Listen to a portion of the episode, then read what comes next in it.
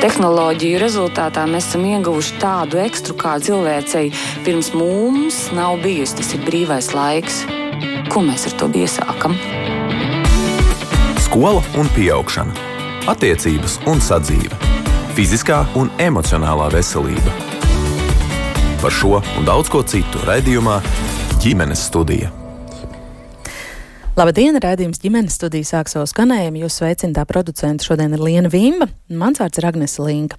Kāda jauna bērnu grāmata, kuras nosaukumā likta frāze Gribu sunīti vienalga kādu, rosināja ģimenes studiju atcerēties, ka nepiedodami, nepiedodami sen mēs neesam šeit runājuši par mājdzīvnieku lomu ģimenē. Ko tad iesākt ar dažāda vecuma bērnu mūžam kvēlo vēlmi? Gribu sunīti, gribu kaķīti, citi gribu kāmīti vai uh, zivtiņas. Kā tad dalīt to atbildību un rūpes, kad mazajam saimniekam tas pēkšņi vairs nešķiet aktuāli un interesanti, kā tas nereti gadās? Un ko dzīvnieka klātbūtne sniedz ģimenei un bērniem? Par to šodien saruna ģimenes studijā un tās dalībnieces būs Juglas dzīvnieku patvērsmes labās mājas vadītāja Astrīda Kārkliņa. Labdien! Labdien!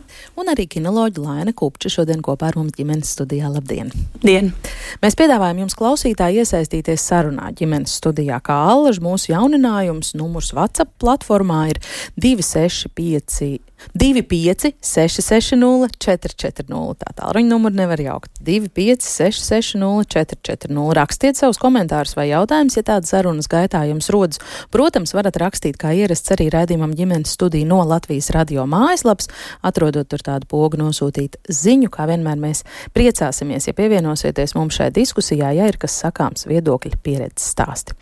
Kas ir tas pirmais un galvenais padoms, ko jūs dotu un ko jūs ieteiktu apdomāt situāciju? Situācijā, kad ģimenē aizsākas šī saruna, šī diskusija, vai mums vajag mājdzīvnieku. Bērns atnāk pie manis un saka, gribu suni, gribu kaķi, nu, varbūt kādu citu mīļu dzīvnieku.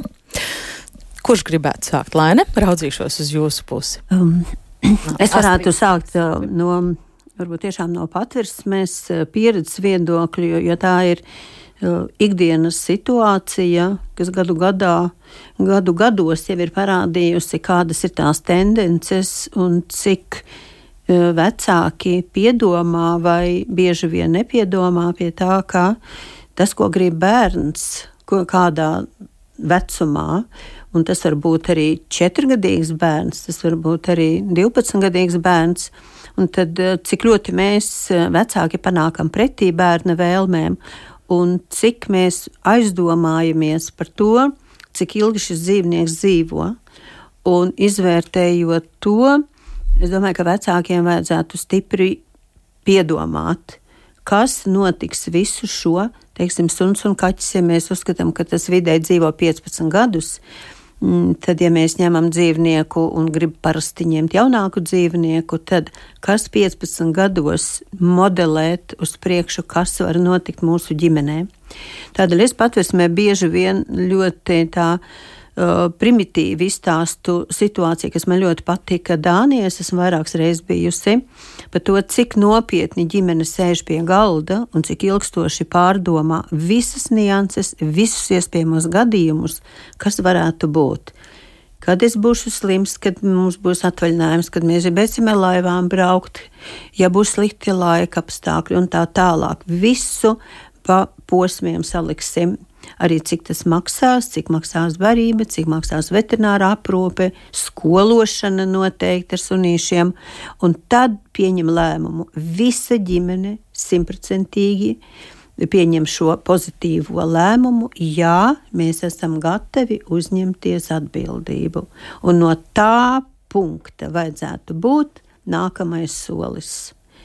Jā, varbūt inicēts, inicēts tas ir no bērna vēlmes, un tad mēs visu izskatām. Bet gala rezultātā visa ģimene kopā, arī vecmāmiņa, visiem ir jāgrib to dzīvnieku uzņemt ģimenē. Mm -hmm. Lai nu ko jūs piebilst, ko vēl Jā. vecākiem ģimenē ir jāpārdomā, ko jāpajautā mm. pašiem sev un uh, kas jāpārunā ar bērniem? Es esmu pilnīgi pārliecināta par to, ka šis lēmums ir jāpieņem vecākiem. Uh, Eh, vecākiem ir sev jāpajautā, vai es vēlos šo dzīvnieku, kā es viņu redzu savā ģimenē, kā es redzu dzīv, eh, ģimenes dzīvē ikdienā. cik mums daudz ir laiks, cik mums daudz ir uh, dzīves telpas, cik mums daudz ir, cik liels budžets, ko mēs varam atļauties, ja šis dzīvnieciņš saslims. Ikdienā, vai mēs tiešām ar prieku dosimies ar viņu, nu, pieņemsim, tas ir tas pats suns, jo es esmu kinologs, tas atbild par suņiem lielākoties, vai mēs dosimies ar viņu pastaigās, vai mēs esam gatavi, kad šī uzvedība varbūt būs savādāk nekā mēs uh, lasījām kaut kur internetā vai atceramies no savas bērnības vai redzam kaimiņos, un vai mēs tiešām esam gatavi pielāgoties. Bērna vēlme tā var būt, bet bērns vienā dienā gribēs suni, nākamajā dienā viņš varbūt gribēs mēģināt futbolu, uzsākt spēlēt, un vakaros, kad mēs it kā teicām, tagad tev būs ar viņu obligāti jāstaigā, bērns pasaka, nē, nu, man tagad ir tie futbola treniņi, es īsti staigāt nevaru, un ir jāpieņem, ka tas ir normāli, jo bērniem ir jāattīstās. Viņi droši var mainīt tās savas vēlmes un uh, savu koncentrēšanos uh, ikdienā uz to, ko viņi dara, un, un viņi ir jāatbalsta. Tad uh, vecākam jābūt arī tai pozīcijai, jābūt tādai, ka vecāks ņem suni, un bērns ir tas palīgs. Mm -hmm, jā. jā, es pilnīgi, pilnīgi piekrītu, ka eh, tad, kad arī uz patvērs mēs redzam, atnāk ģimene izvēlēties uh, dzīvnieciņu, bet tikpat labi tas varētu būt arī audzētavā vai kādos citos apstākļos iegūts, tad uh, vecākiem ir jāgrib, jo principā īpašnieks būs šis pilngadīgais pieaugušais, vecāks, pieaugušais. Mēs arī patversmē nekad, eh, mēs arī nevaram no likuma viedokļa formēt dzīvnieku uz bērnu, eh, bet bieži vien mēs redzam, ka vecāks saka, nē, nē, nē, tas būs, un tas būs jānīšas suns, vai tas kaķīts būs, teiksim, viņi ģimenē var tā skatīties, un viņi var veidot šīs lomas ģimenē savādāk, bet jāatcerās, ka pelnītājs, un pilnīgi atbildīgais par arī šī dzīvnieka labturību ir pieaugušais. Un tas nemaz nav tik vienkārši, jo tas ietver sevi visu, kā kolēģi teica. Tas ir brīvais laiks, kas principā ir viens no galvenajiem komponentiem ar suni teiksim, sadzīvošanā. Jo, ja tu nenoslogosi dzīvnieku pietiekami daudz, tad tās būs ziepes. Un tad tev būs lūk, gan gaudošana, gan sakostās rotaļlietas, gan, gan tāda dzīves kvalitātes sunim netiek nodrošināta. Un tad no tā vienkārši es gribu, man patīk, veidojas liels problēmas kā zoopsiholoģija arī saka, mēs modelējam to situāciju, ka būs labi. Restīvi, mūsu dzīvē ir feina dzīve, mēs tur ieliekam iekšā vēl dzīvnieciņu ar domu, ka mūsu dzīve būs jautrāka, feināka. Labāka, jā, labāka. Bet, ja tas tā nenotiek, kāds tad ir scenārijs? Ja tā nav, ja kaķis krāpē, mēs neprotam viņam pietuvoties, ja suns kož mēbeles un viņš vispār nav atbilstoši tam dzīves modelim, kas ir vecākiem, nu tad kas notiek? Un tāpēc arī tas ir viens no iemesliem, kādēļ dzīvnieku patirsmas Latvijā ir pilnas. Diemžēl, Diemžēl dzīvniekiem, par kuriem nav ļoti nopietni piedomāts. Mm. Ir tādas vieglās vai sarežģītās uh, suņu šķirnes ģimenēm ar bērniem. Tas droši vien tā, nu, padziļināti skatot, ir temats uz, uz trīs stundām saruna, jā, bet, uh, bet vienkāršā atbild uz šo jautājumu. Noteikti teiktu nē. Nav. E, nav, jo arī cilvēki un ģimenes atšķirās. Vienai ģimenei būtu viegli tikt galā ar šādu suni, jo viņiem tas dzīvesveids ir attiecīgs, un viņi ir gatavi apmeklēt nopietnu skolu, tiešām mācīt, darboties, un liekas ļoti vienkārši viss sanāk, ja ceļš no malas skatoties. Bet uh, ieteikt kādu vienu šķirni un pateikt, ka šis su suns obligāti atbildīs konkrētajam aprakstam, it sevišķi vēl jāņem vērā izcelšanās uh, konkrētā suņa. Bet arī, ja viņam ir pasaulē labākie, precīzākie ciltsraksti, man tik bieži ir jāskatās savās nodarbībās, ir pārsteigums, ir kaut kas pavisam cits, un tev ir jābūt gatavam šim pārsteigumam, jo pretī būs personība. Suns ir personība. Dažreiz vienā metienā ir, pieņemsim, astoņi šādi un viens tas atšķirīgais. Un, ja tu saņem šo atšķirīgo, tev būs jāpielāgojas. Tas ir kā vēl viens ģimenes loceklis mm. atšķirīgs. Jā. Vai ir arī tādi vieglāki vai sarežģītāki mājdzīvnieku veidi, nu vērtējot, ja suns ir tas, kurš prasa droši vien vislielāko atdevi ieguldījumu, tad noteikti nākamais varētu būt kaķis, un tad mēs ejam uz leju, un tad ir, nezinu, zarkukaiņi pašās beigās, ar kuriem varbūt, ja paveicās, var apmierināt kādu vēlmi pēc mājdzīvnieku. Nu, protams, ir sevišķi runājot par tām populārākajām mīļdzīvnieku sugām, tas ir kaķis un suns viennozīmīgi Tā ir ārkārtīgi liela atšķirība. Un ir situācijas, kad atnāk ģimene ar bērnu un saka, nu mēs vēl nezinām, ko mēs gribam, vai nu sunīt vai kaķīt, nu rādiet visus, tas, kas mums iekritīs acīs. Mēs liekam, ak, jēziņ, cik tā ir Nu, tas ir liels analfabētisms. Tie ir pilnīgi dažādi radījumi. Ja kaķis ir introverts, individuālists, kuram bieži vien cilvēks pat nav vajadzīgs, un viņš var dzīvot jūsu dzīvi, principā nemainās. Jūs jūsu dzīvē ieliekat to kaķi, un viņš var tur eksistēt, un jums vajag tikai pabarot, rotaļlietas, un jūs pat varat divas dienas varbūt nebūt mājās un ar suni ir jāmaina dzīvesveids. Kamēr to nesapratīs vecāki, jāmaina dzīvesveids. Tu nevari savā dzīvē tikai ielikt suni. Un nekas nemainīsies. Viss mainīsies. Brīvais laiks, jums būs jāskrien mājās pēc darba, jūs nevarēsiet iet uz koncertu. Jūs, jums visu laiku jādomā, ko, kā jūs barosiet, kā jūs nodarbināsiet. Bet pēc galvenais, man liekas, jūs arī Kolēģi piekritīsiet, ka dzīvnieks ir uh, suns, ir slodzes dzīvnieks, un ja tu viņam nenodrošināsi nodarbības, jo bieži vien cilvēki arī, arī prātīgi cilvēki domā, bet tā ir vienkārši nezināšana, ka es no rīta apvedīšu trīs reizes ap māju, un vakarā trīs reizes ap māju, un tas būs viss. Nē, gan lielam, gan mazam dzīvniekam vajag slodzi, vajag skriet. Nevelti mēs dzīvnieku pasaulē runājam par tādām piecām brīvībām kas katram dzīvnieku īpašniekam ir jānodrošina šim dzīvniekam. Tas ir būt brīvam no sāpēm, būt brīvam no bada, bet arī jānodrošina viņa sugai nepieciešamo izpaušanās veidu. Kaķim jābūt, kur nagus skrāpēt, sunim vajag varbūt ļoti skriet, varbūt lekt, varbūt rakt, varbūt tas viss ir jānodrošina. Mm. Un tas ir jādomā iepriekš. Tas nav vienkārši dzīva rotaļlieta, kurai es nodrošināšu tur toaleti un paēst. Ar suni tad tas ir daudz, daudz sarežģītāk. Bet, protams, paņemot jūrsociņu vai kāmīti, arī jādomā par tām labturības prasībām, kas ir šādiem dzīvnieciņiem. Bet bieži vien vecāki arī piekrīt šādām bērnu gribēšanām tādēļ, ka vecāki uzskata, es gribu, lai mans uh, bērns aug empātisks pret dzīvniekiem. Es gribu, lai viņš iemācās atbildību, Rūpes, rūpēties. Uh, tā tad laikā tur nomainīt, teiksim, arī maziem grauzējiem tur pakaišus vai neaizmirst, ka jāpabaro ūdens jānomaina. Tas viss ir brīnišķīgi, bet pāri visam ir vecāku pārskatīšana šo procesu.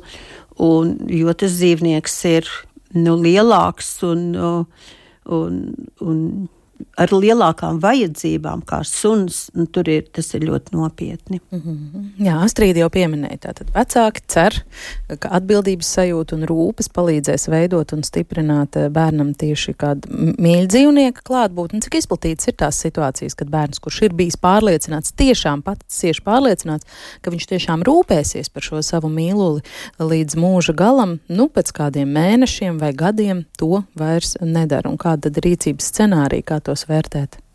Rīcības scenārijs jau, ja tu jau uzreiz pozicionē šo mājdzīvnieku kā savu pieaugušais, mm. tas ir mans mājdzīvnieks un bērns ir mans palīgs, kamēr viņš ir šeit, kamēr viņš nenodarbojās ar citām kaut kādām svarīgām savu izglītības lietām vai neiet studēt augstskolā un nesāk dzīvot kojās, tikmēr viņš ir palīgs. Un pēc tam viņš dodas un dara sev svarīgas lietas, un es esmu pieaugušais. Es visu daru to, kas ir vajadzīgs uh, šim sunim, un cik es varu bērnu uh, iemācīt atbildību, izstāstīt kārtību, pieredzināt viņu pie šīs kārtības un arī redzēt, ka viņš to adekvāti izpilda. Jo bērniem arī sevišķi mazākiem ir, ir pieņemsim gara stāvokļi. Viņš vienā dienā tiešām brīnišķīgi ar sunu spēlējās, mētā mantiņu baro. Nākamajā dienā vai kaut kur redzējis vai dzirdējis, un tu te pēkšņi pamani, ka viņš jau mēģina to barību atņemt viņam, vai, vai bumbu jau nepareizi met, vai jau nu, mazāks bērns var arī sunim uzdot pausi, un tev jābūt blakus visu laiku. Tu nevari tā domāt, es paņemšu suni, un bērnam būs rotaļlieta. Tur divas stundas dienā tas ir viss. Bērns dara, ko grib, viņam tur viss sanāks. Tā nevar. Tev visu laiku jābūt ir klāt un jābūt, jāredz un jāmāc. Tā atbildība ir jāmāc. Tad viņa neradīsies pat no sevis. Suns to neatnesīs bērnam. To es tas pieaugušais, kas ir blakus, kas runā ar to savu mazo cilvēciņu, māca viņu, ievirza viņu. Un pat lielākus bērnus arī viņiem arī ir jāmāca. Un, pieņemsim, sunim var izrādīties kaut kādas tādas rakstura īpašības, ko tu negaidīji.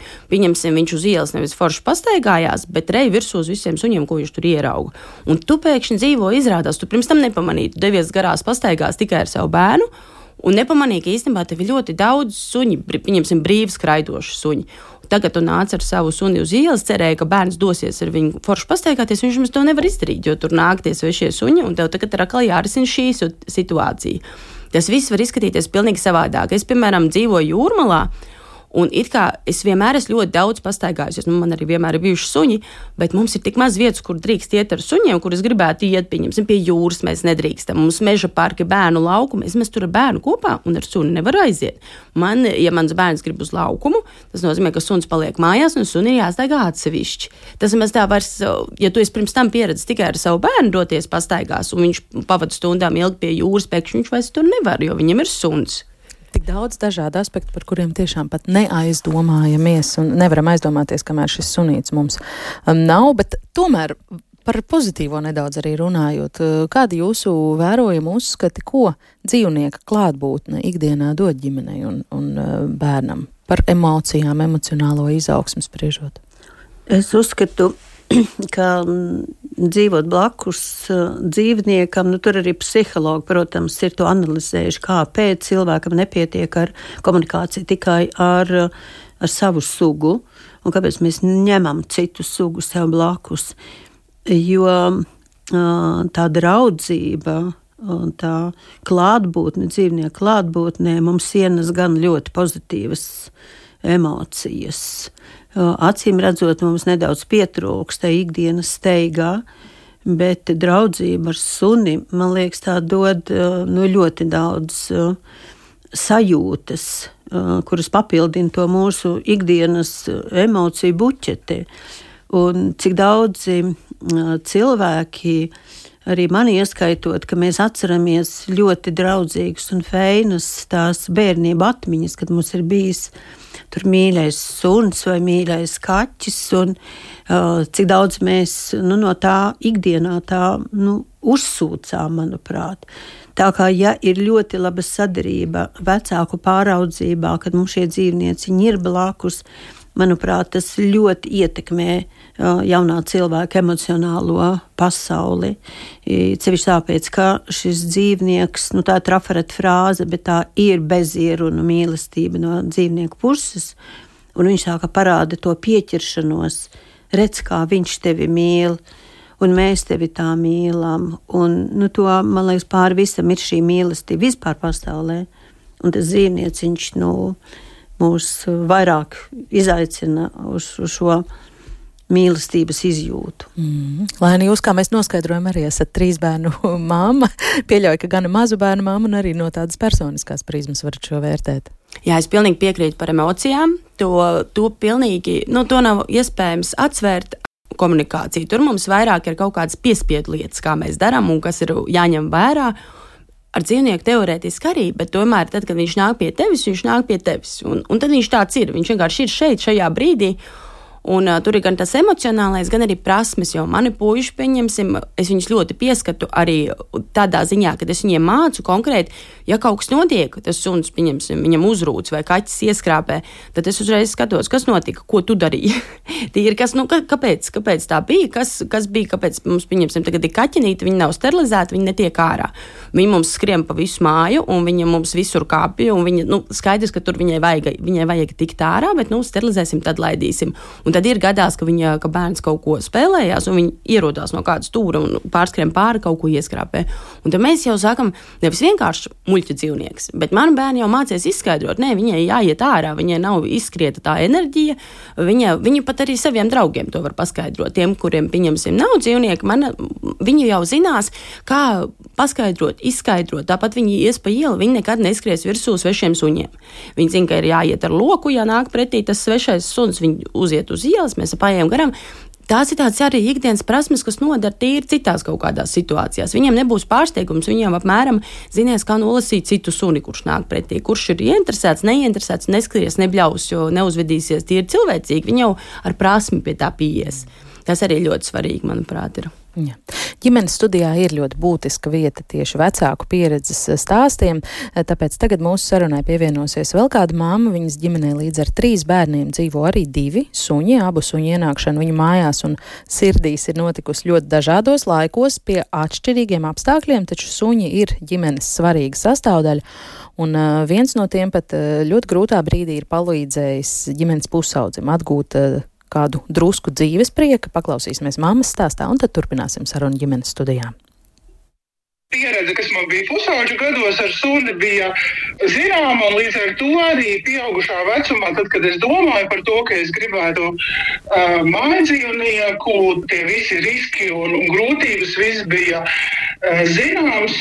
Nu, līdz ar to, kad uh, dzīvoju jau savā ģimenē ar dzīves biedru un bija jau pirmais bērns. Mēs runājām par to, ka varētu mājdzīvnieku, tas varētu būt suns. Diezgan rūpīgi arī pētījām suņu šķirnes, kas būtu piemērotas ģimenei, kurā aug mazi bērni lai šī suņu šķirne nebūtu agresīva, lai būtu arī pietiekami pastāvīga, lai pa dienu varētu dzīvot ārā. Un uh, izvēle krita par labu vācu aitu sunim. Un kolēģi teica, ka ir ļoti forši kucēni dažkārt pieejami no suņiem, kas tiek izbrauķēti dienestam. Mēdz būt kāda iemesla, piemēram, suns var baidīties no šāvienu brūkšņiem, dienestam viņš nederēs, bet ģimenē tas varētu būt uh, ļoti labs variants. Un, uh, Sazvanījām attiecīgo iestādi pieteikties uz šādu dienestam brāķētu suni.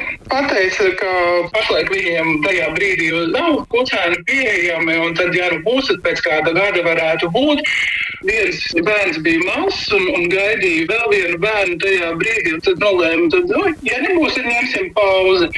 Nedomājam par laiku par to, tad mums, mums zvanīja šķietami nepiemērotā brīdī, ka tagad ir kucēns, kuram mēs varam braukt pakaļ un, un iegādāties. Un tā ienāca mūsu ģimenē pirmais suns, kad lielajam bērnam bija četri gadi un mazajam septiņi mēneši. Vācu aitu suns ar brīnišķīgu raksturu. Protams, ar suni bija daudz jāstrādā. Un, nu, faktiski es to uzņēmos, jo tā bija tāda mana vēlme. Un, protams, visi ģimene iesaistījās, bet nu, tas bija mans suns. Bet tas kusēns mūsu dzīvē ienāca tad, kad bērniņam bija septiņi mēneši un kad bērniņš aktīvi šļūca pa grīdu un bija tā rāpošana, šļūkšana visādi citādi muskuļu trenēšana. Kucēns ir tomēr diezgan neprognozējams. Tas nozīmē, ka man ir nepārtraukti jābūt tādā nelielā saspringzinājumā. Man visu laiku ir jāvaktē. Es nevaru pieļaut, ka kucēns pats būdams diezgan dumšs tajā brīdī, nesaprotot to dara, ka viņš var ar saviem asajiem mazajiem zobiņiem iekost bērnam, iekost kājā, iekost rokā. Tas ir liekas risks, un to noteikti nevar pieļaut. Un līdz ar to tas pats sākums bija diezgan tāds. Man nepatīk šis vārds, bet tiešām izaicinoši mums vajadzēja to māju nodalīt tādās uh, zonās, lai viņu abu divu ceļi nekrustotos tādā veidā un lai viens otram nevar nodarīt pāri.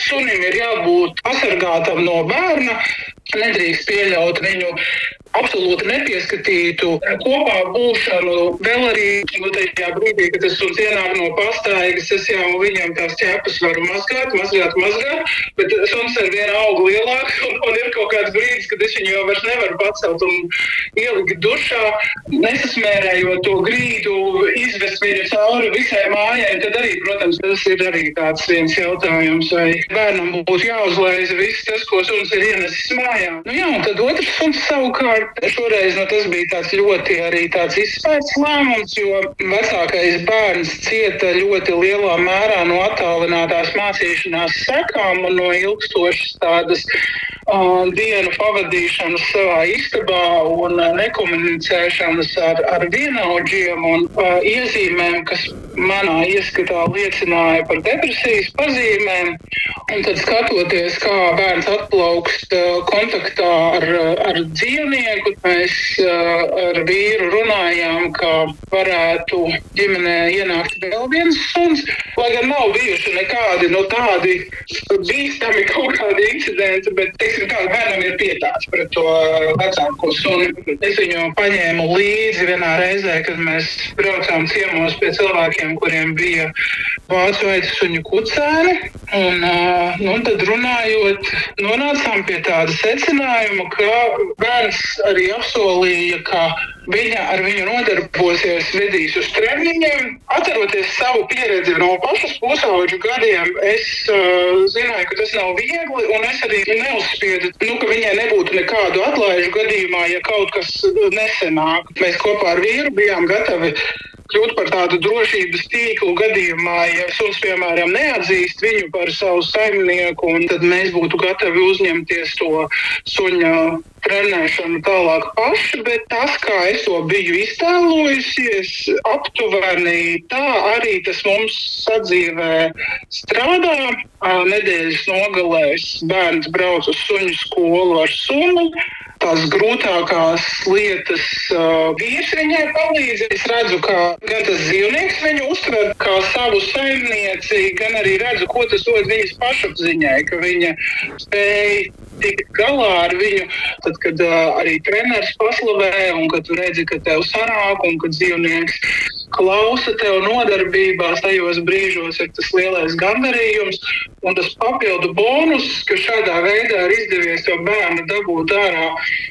sabiedrībā, dabūt ārā no mājas un iemācīties komunicēt arī ar citiem suņu saimniekiem. Protams, es nevaru teikt arī tā, ka nekad nebūtu dienas, kad saka, ah, šodien līst lietus un es negribu, un tā, tā tas nav. Tad savukārt mēs sakam, bet, nu, dzīvniekam ir šodien treniņš, un, un mēs esam runājuši, ka tu to uzņemsies, un kopumā jāsaka, ka tas strādā, un īpaši brīžos, kad tu redzi, kad sanāk, un ka tas kontakts ir tāds, ka suns smaida, un suns ir tik ļoti priecīgs, viņam pilnīgi tā grimasa ir tāda, tad, kad nāk bērns mājās no skolas, ka viņi, viņi satiekas, viņi, viņi komunicē savā starpā, un tie ir tādi brīži, kad tu redzi, ka tādas ļoti labas attiecības savstarpējas ir.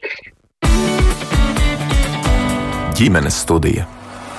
Jā, un es atgādināšu, ka ģimenes studijā mēs šodien runājam par to, ko un kā vecākiem atbildēt bērna vēlmei par māju dzīvniekiem, kā dalīt atbildību un rūpes, un ko vispār dzīvnieka suņa klātbūtne var sniegt bērnam un ģimenei kopumā. Un sarunā ģimenes studijā šodien piedalās Juglas dzīvnieku patvērsmes labās mājas vadītāja Astrīda Kārkliņa, kā arī kinoloģa Laine Kupča.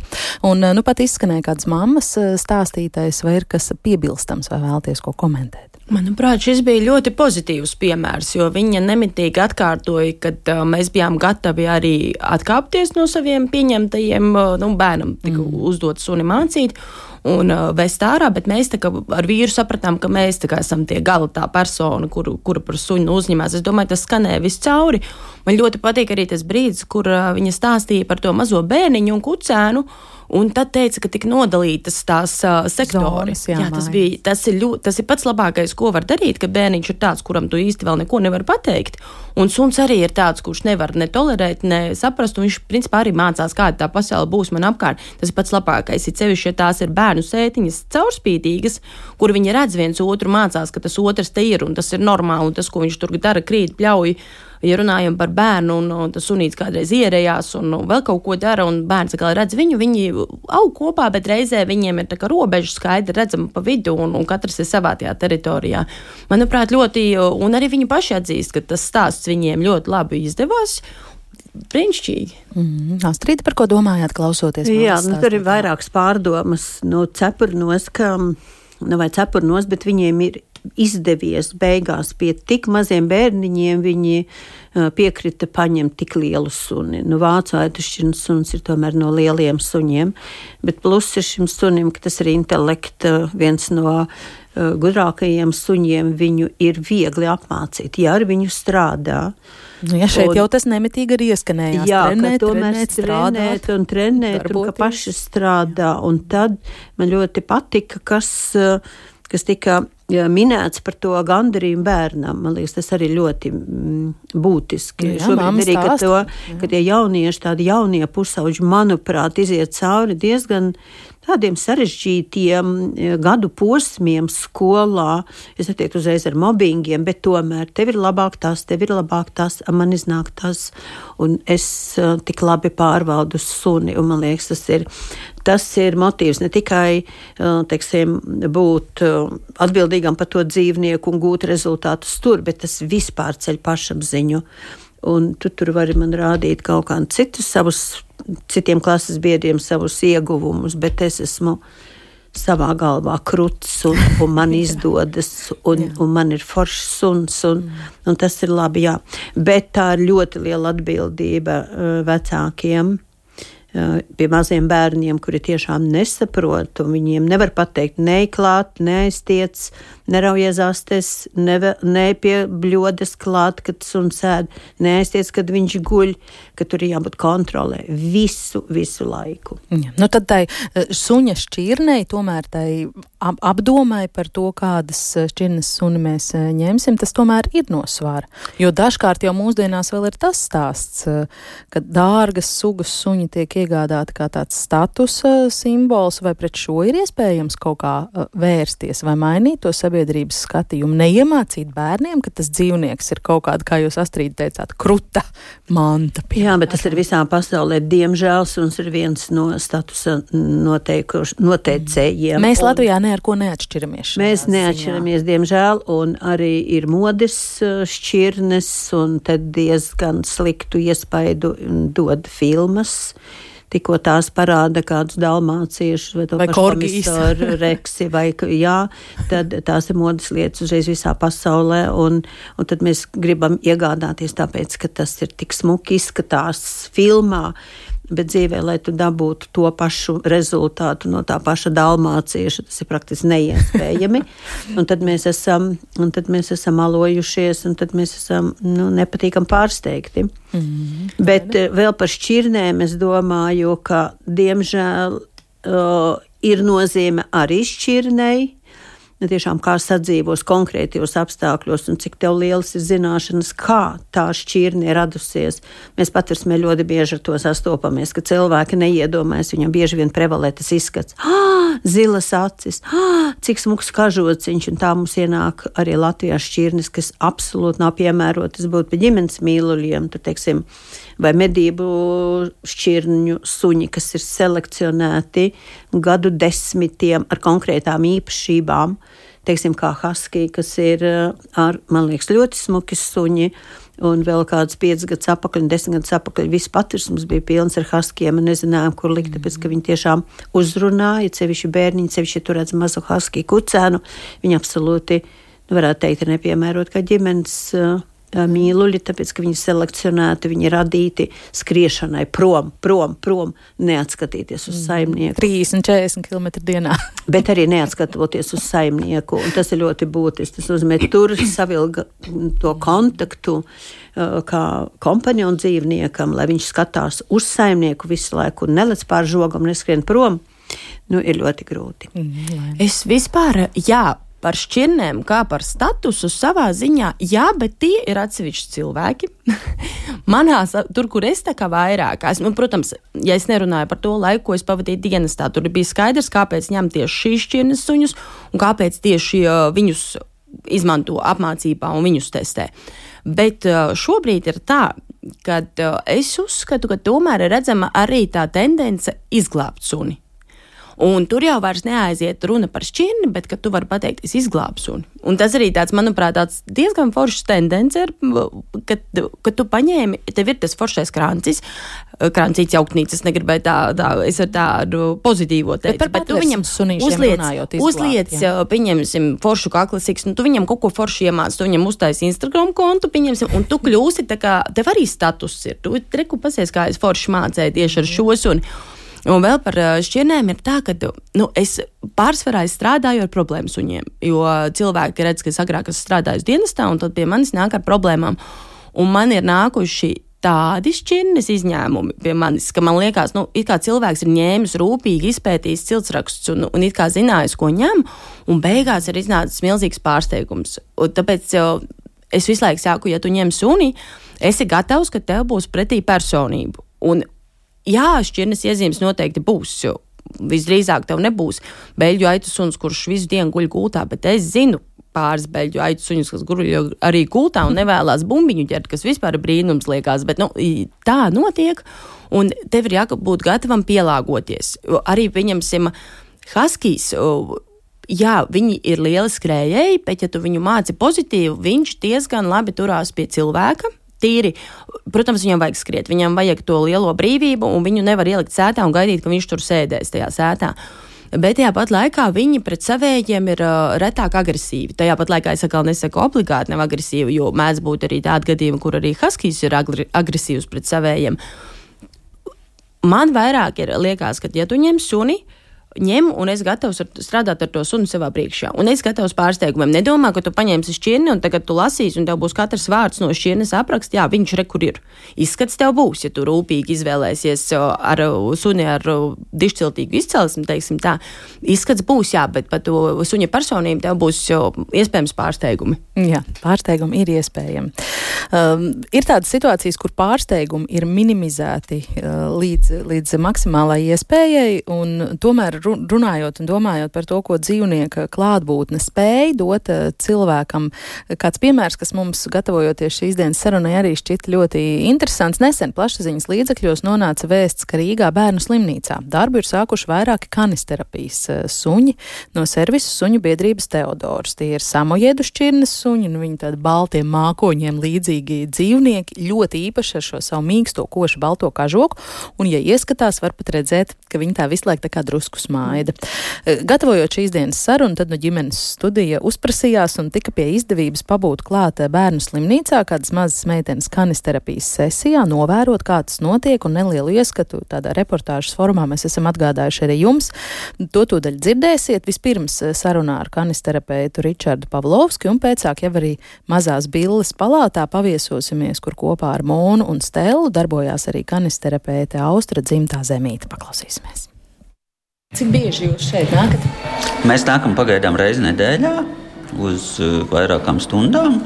Cik vienā reizē ar bērniņiem varat pastrādāt? Divi vai trīs bērniņi parasti ir, un tad varbūt māju skrējienā jau ieejam vēl pie kā, kāda paciemoties burtiski uz dažām minūtītēm, bet tā kopumā pie diviem vai trīs bērniņiem uz ilgāku laiku. Cik ilgi pie katra? Aptuveni 40 minūtes varētu būt. Cik bērniņš ir atsaucīgs, cik viņš ļoti grib darboties, cik viņš spēja ilgi noturēt uzmanību. Kā jūs skaidrotu, kas ir kanis terapija? Kas ir tas, ko jūs darat atnākot pie mazajiem slimniecībiem? Es visiem saku, ka mēs atnesam prieku, atnesam pozitīvas emocijas un palīdzam aizmirsties. Bērni atverās, bērni kļūst daudz draudzīgāki. Baltie sunīši palīdz pārvarēt daudz dažādas grūtības bērnam, kas uz to, to brīdi ir, un ieraudzīt pasauli krāsaināku. Vai bieži tā gadās, kā šajā gadījumā, ka mazā bilde sākumā teica, nu nē, ka viņi negrib ķemmēt, viņi negrib viņu čamdīt, un tad dažas minūtes vēlāk jau viņi apskauj un ir ar mieru komunicēt un tiešām iet uz kontaktu ar dzīvniekiem?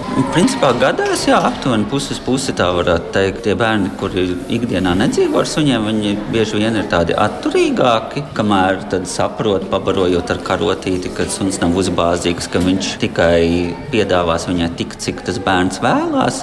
Un tajā brīdī jau bērni atverās un sāk draudzēties un iejusties tajā pūkainajā pasaulē. Jā, laikam jau šīs baltās pūkainās dāmas atkausē jebkuru sirdi un atrod pieeju jebkuram no mazajiem pacientiem. Nu, tā tas ir. Ar tādu mērķi tiek strādāts ar viņām ikdienā. Viņas spēja pārslēgt uzmanību, viņas spēja komunicēt, skatīties jau bērnam acīs un bērnam izveidot to sajūtu, ka viņas spēja kontrolēt sunīti, ka viņas spēja komunicēt. Viņām tiek uzticēti daudz un dažādi noslēpumi, kurus nedrīkst ne ārsti, ne vecāki dzirdēt. Tad viņas dikti prātīgi prātīgi pilda savu darbiņu. Jebkuras eh, šķirnes suņi ir piemērota kanisterapijai, vai tieši šīs baltās dāmas samojedi ir kaut kā īpaši pielāgota šķirne? Nu, man personīgi patīk samojedi, jo viņi ir salīdzinoši lieli, bet īstenībā ir mazi suņi. Viņi ir vienkārši ļoti pūkaini, un tāpēc viņi no apjomīgi izskatās lielāki. Principā jebkura šķirne bet jāskatās nu, no rakstura īpašībām, vai viņi tolerē bērnus, vai viņiem patīk tas, ko viņi dara. Nu, teiksim, ja mēs paskatāmies uz Monu, vienmēr viņa nāk ar smaidu uz darbu. Viņa grib to darīt. Viņa neapguļās stūrī, viņa neiet prom, viņa gaida, kad ar viņu iesaistīsies. Un atkal sunīts nedrīkst būt pārāk strauji. Pārāk strauji sunīts var sabiedēt, jāskatās, vai viņš kārumu var maigi paņemt. Viņam ir jābūt drošam, bet ne pārlieku uzstājīgam. Tā es varētu teikt. Jā, redziet, tas ir radio mikrofons. Bērns jau ir nogaidījies. Tā viņa jau sēž sagatavojusies uz gultas maliņas. Jau. Nu, jā, tad iesim iekšā un skatīsimies, kā tas notiek. Jā. Atnāc trīs cīnos. Viņš gribēs, man liekas. Viņa noteikti, ka gribēs. Kā viņš skatās uz ēdienu. Tad pie jums ciemos ir atnākusi Mona, kas sēž jau stāvā, vēl nesēž. Un tad, lai mēs varētu iepazīties un sadraudzēties, ko mēs darām ar sunīšiem, mēs viņiem iedosim pārēst. Lai tev būtu drošāk un sunīšiem būtu drošāk, es tev došu karotīti. Jā, kā tevi sauc? Viela. Bille. Ja? Un tad to karotīti paņemsim vienu gabalu mēdienu. Un tad, kad tu dosi sunītam, tad tu nosauksi savu vārdiņu. Ja? Un tad tu būsi iepazinusies. Tā bija Mona. Tagad ņem vēl vienu gabaliņu un tad iedosi Stēlai. Jā. Ne? Nu, redz, tagad jau viņas ir sapratušas, ka tu esi tāda draudzīga. Tad tu vari izvēlēties, kā tu gribi pabarot. Ar karotīti, var ar rociņām barot. Ja? Tu vari droši nokāpt no mammas klēpja. Jā. Jā. Viņi ņem ļoti, ļoti maigi. Cik tev gadi bija? Ir? Pieci. Pieci. Viņiem ir četri gadi. Viņas mācījās, mācījās daudz, daudz, daudz, un vēl joprojām mācās. Un tad viņas ir iemācījušās visādas šādas gudrības, nu, ka viņi tev neiekodīs, ka viņi ņem kārumus šausmīgi maigi. Viņi ir certificētā skoliņā gājuši, viņi ir kļuvuši par terapijas suņiem un nokārtojuši trakus kontroldarbus, kurus viņi kārto katru gadu. Cik garšīgs. Tā kā burkāni, vai ne? Tev varbūt arī sunīts mājās ir. Tikai cīdavā. Cīra vai jā, liepājas rajonā pie Omas mums ir. Droši vien, ka tu arī ej uz dārziņu, tad droši vien, ka tu arī saķemējies ja, no rīta. Un tad viņas arī pirms darbiņa, kad nāk uz darbiņu, tad viņam arī vajag saķemēties. Un tad viņas tādas baltas paliek. Tu gribēji pamēģināt paķemēt viņas? Jā. Un tad tu vari paņemt rekur, tur, kur ir spogulīts. Tu viņām vari parādīt spogulīti, kur, lai viņas redz, kā viņas ir saķemējušās. Tu tā nedaudz kautrējies no viņiem. Tu gribi pamēģināt paglaudīt.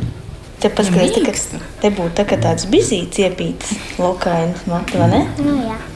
Bildi, tu zini, cik sunīšiem ir nagi uz ķepas? Pieci. Pieci. Pārbaudīsim. Labā! Cik Nadziņa ir reko. nadziņa? Viens, divi, trīs, četri. Četri. Četri. Nu, mēģinam vēlreiz skaitīt. Viens, divi, trīs, četri. Reko apakšā viens. Pieci. Tad cik ir? pieci. Nu, tad skaitam vēlreiz. Viens, divi, trīs, četri. Aizmugurējām ķepām parasti ir četri, un priekšējām tad pieci. Redzi, kādā krāsā nadziņi? Tādi balti, ja? Bet Mona ir īpašs sunīts. Viņai ir daži nadziņi citā krāsā. Tu palīdzēsi atrast? Es Papētīt. atveru, man liekas, bildi redzi. Melns. Viens melns. Mazliet šitai ķepiņai ir lāzā. Skaties, kā viņi jaujās šitā gulēt. Ko ar punci arī pačimēt viņai. Viņš zobus arī gribēs skatīt. Nu, vismaz apskatīties. Tīri, jā? Redzi, čik, čik, čik, čik, čik. Ļoti tīri. Reko apakšējais bišķīt vēl jāpatīra. Mēs varam viņiem uztaisīt sacensības. Oh, gribi redzēt, kur ir ātrāk ēdāji? Ja? Jā. Tad tev vajadzēs uh, desmit kārumus salasīt. Varam saskaitīt desmit. Jā. Reku tagad tev būs jāsaliek trasīte. Tur. Tad te saliksi desmit kārumiņus ar kaut kādu atstarpītu, un pēc tam desmit otrā pusē. Un tad uztaisīsim sacensības, kurš su, sunīts Tā, ātrāk. šeit, jā? Jā, reku no šitās puses. Nu, tad tu teiksi uzmanību, gatavību starts. Uzmanību, gatavību, starts.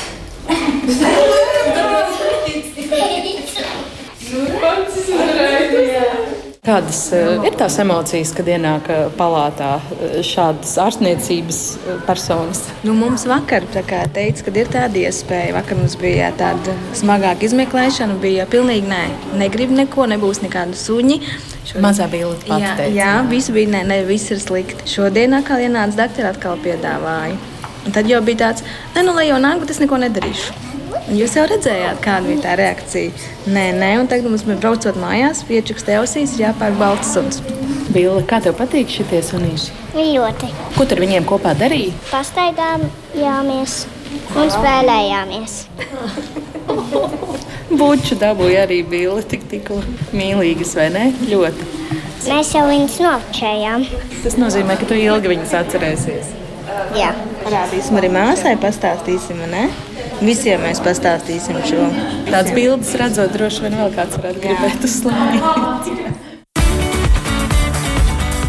Mēs tiekamies ģimenes studijā. Jā, tāds lūk stāsts par Stellas un Monas eh, darbu, strādāšanu bērnu slimnīcā. Varbūt kaut kas, par ko domājāt, kādas ir replikas šai stāstā klausoties? Nu, es varu teikt, ka es arī dzirdēju atbildus uz to. Tas bija tas, ko jūs arī pirmīt jautājāt par uh, dzīvnieku klātbūtni mums. Tas ir pozitīvās emocijas, jā, tas ir prieks.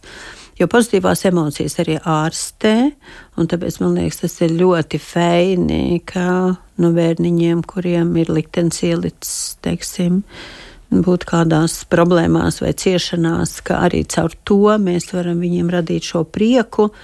Un, ja mums ir prieks, tad arī tas palīdz mums arī veseļoties. Un arī tas ir, kāpēc mums vispār šī, šī cita suga ir blakus. Ja tas ir prieks, gandarījums, pozitīvs, pozitīvs emocijas. Mm, Jā, ja no, to, no savas puses tu esi izdarījis nepieciešamo, lai tas suns tiešām ar tevi foršu komunicē.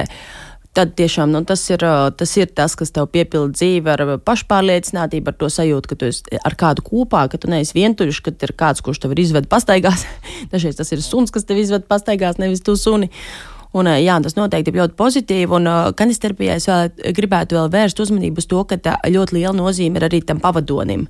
Jo šeit mēs dzirdam, it kā runā tikai par suņiem un šo bērniņu, kurš ārstējās, bet pavadonis jau to visu ļoti kontrolē. Viņš gan ir mācījis, gan redz to suni arī tagad, šobrīd. Viņš novirz, ja tur kaut kāda, kaut kāda tā komunikācija aiziet ne tur, kur vajadzētu. Šie suņi brīnišķīgi testētu un viņi paši no savas puses nedarītu kaut ko nepareizi, bet tie ir, viņiem arī ir savi limiti un arī tā, tā visa tā darbība tiek tiek novirzīti vienā vai otrā virzienā. Mm. Bet es noteikti varu piekrist, jā, jo tie kanasterapeiti, ko es satiku, Ričards un Austrijā, brīnišķīgi darbojās. Mm. Nu jā, tas būtu tas ideālais modelis, ja to varētu arī jebkurā ģimenē.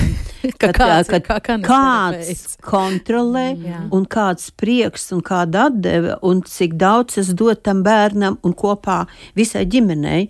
Un, nu, diemžēl žēl ir skatīties uz tiem gadījumiem, kad varbūt arī cilvēki aiz nezināšanas negūst šo rezultātu, mm. un ka viņi nepiestrādā tā, ka tas ir kopējs prieks visai ģimenei. Tieši par šo mums raksta arī klausītāja Inta par mīļu dzīvnieku iegādi vienmēr ir atbildīgi vienīgi pieaugušie. Nevajag pakļauties bērna iegribām, jo jebkurā gadījumā agri vai vēlu šis dzīvnieks būs uz pieaugušā pleciem. Ir briesmīgi noskatīties, kā bērns vai pusaudzis vazā dzīvnieku, kurš viņam ir apnicis. Tā, tāpēc man ir um, bijuši gadījumi arī patversmē tādi, ka, uh, teiksim, vecāki izvēlas ar bērnu to dzīvnieku, nu, suni. Teiksim, tas tomēr ir nopietnāks solis. Un otrā dienā atnāk vecāki vieni paši. Un es saku, nu, kāpēc tad bez bērna? Viņi saka, nu, mēs taču sev ņemsim to dzīvnieku. Varbūt mēs tagad jau savādāk mm. skatīsimies un izvēlēsimies jūsu komentāriem un piemērotību un plānošanām. Mm.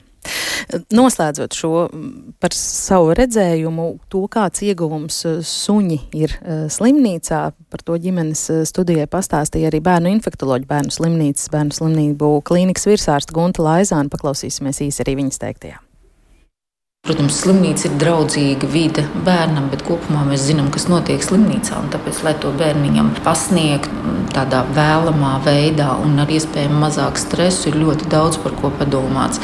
Sunīši ir karnisterapija, tas ir viens no tādiem papildus momentiem, kas arī noteikti dos savu ieguldījumu labsajūtas veidošanā, atrodoties slimnīcā, jebkādos apstākļos. Protams, ka pieredze patreiz nav tik liela, bet nu, ņemot vērā tās emocijas, kas ir novērotas, es domāju, ka tam būs lieli panākumi īpaši tiem bērniem, ne tikai bērniem, jebkuram cilvēkam, kuram ir hroniskas kādas uh, problēmas, kuriem ir nomākts uh, garstāvoklis, kuriem ir kādas iespējams psihiskas problēmas. Vienam lielam priekšnoteikumam jābūt, ka tam ir jābūt uh, cilvēkam, kam patīk dzīvnieki tad to bērnu un vecāku un personāla acīs, kas ir suņu cilvēki, kā mēs sakām, jā, tās emocijas ir bezgalīgi pozitīvas. Pozitīvām atlieku parādībām vēl nākamā dienā mazie pacienti, kas ir mazāki, raud un negrib laist vaļā sunīšus, prasa nākamā dienā, kad atkal atnāks sunīši pieredzi uz tādiem, kas ilgstoši slimi bērni, kas ilgstoši atrodas nodaļā, es teiktu, ka ir ļoti, ļoti pozitīvi, jo tie bērni daudz aktīvāk runā, daudz vairāk iesaistās. Viņi labprāt komentē, ko viņi piedzīvojuši, kādas ir bijušas tās emocijas, kad viņš pieskāries sunītim. Tam vajadzēja būt sen, un tas varētu būt rekomendēts visās slimnīcās, kur ir hroniski slimi pacienti arī akūti slimiem cilvēkiem, kuriem ir nepieciešamība atraisīt pozitīvās emocijas, tas noteikti būtu rekomendējams. Mhm. Bet tās ir tādas pašas pozitīvas emocijas, kādas uh, tas bērns, nu, tas slimnieciņš šajā gadījumā gūst. Es nezinu, nu, ja atnāk doktors Klauns, kas viņu uh, iejūsmina vai pajoko ar viņu, vai ja māma vai tētis atnes kaut ko ļoti garšīgu, vai tomēr tas ir kaut kā citādāk. Protams, ka pavisam savādāk tā komunikācija ir. Tās ir sajūta sajūtas, pieskāriena, tā ir tāda beznosacījuma mīlestības sajūta, ko suns dod. Tie ir īpaši sunīši, ja suņi ļoti lielu pacietību. Nē, tās ir savādākas sajūtas. Tas ir pavisam savādāka emocionālā saikne. Tā ir tāda vārdos neizsakāma saikne, kas dod to pozitīvo enerģiju un, un prāta labsajūtu jebkurā vecumā. Jā, Tālāk, um, dr. Gunta Laizāna no bērnu slimnīcas. Būtībā tas pats, ko, kas šeit jau vairāk kārt izskanēja, ka bez nosacījuma mīlestība un ļoti pozitīva emocionāla saikne. Vai kas piebilstams vēl doktoras teiktajam? Pilnīgi taisnība. Pilnīgi taisnība viņai. Jā. Paldies par sarunu ģimenes studijā. Es teikšu kinoloģijai Lēnai Kupčai un arī Juglas dzīvnieku patversmes labās mājas vadītājai Astrīdai Kārkliņai. Paldies, ka dalījāties ar savu pieredzi, ar savām zināšanām šodien rādījumu ģimenes studiju klausītājiem. Sarunu šodien ģimenes studijā veidoja Liena Vīmba, rādījuma producenti, pieskaņu pults Jana Dreimana, pie mikrofona es Agnese Linka. Pirmās romantiskās attiecības pusauģa vai jaunieša dzīvē vai vecākiem tām ir jāpievērš kāda uzmanība vai kaut kas jāņem vērā un kā komunicēt ar bērnu arī par seksuālās veselības jautājumiem. Par to sarunu ģimenes studijā rīt, kā vienmēr no diviem līdz trījiem. Klausieties mūs arī podkāstos, mobilajā lietotnē un sekojiet ģimenes studijai sociālos tīklos uz sadzirdēšanos.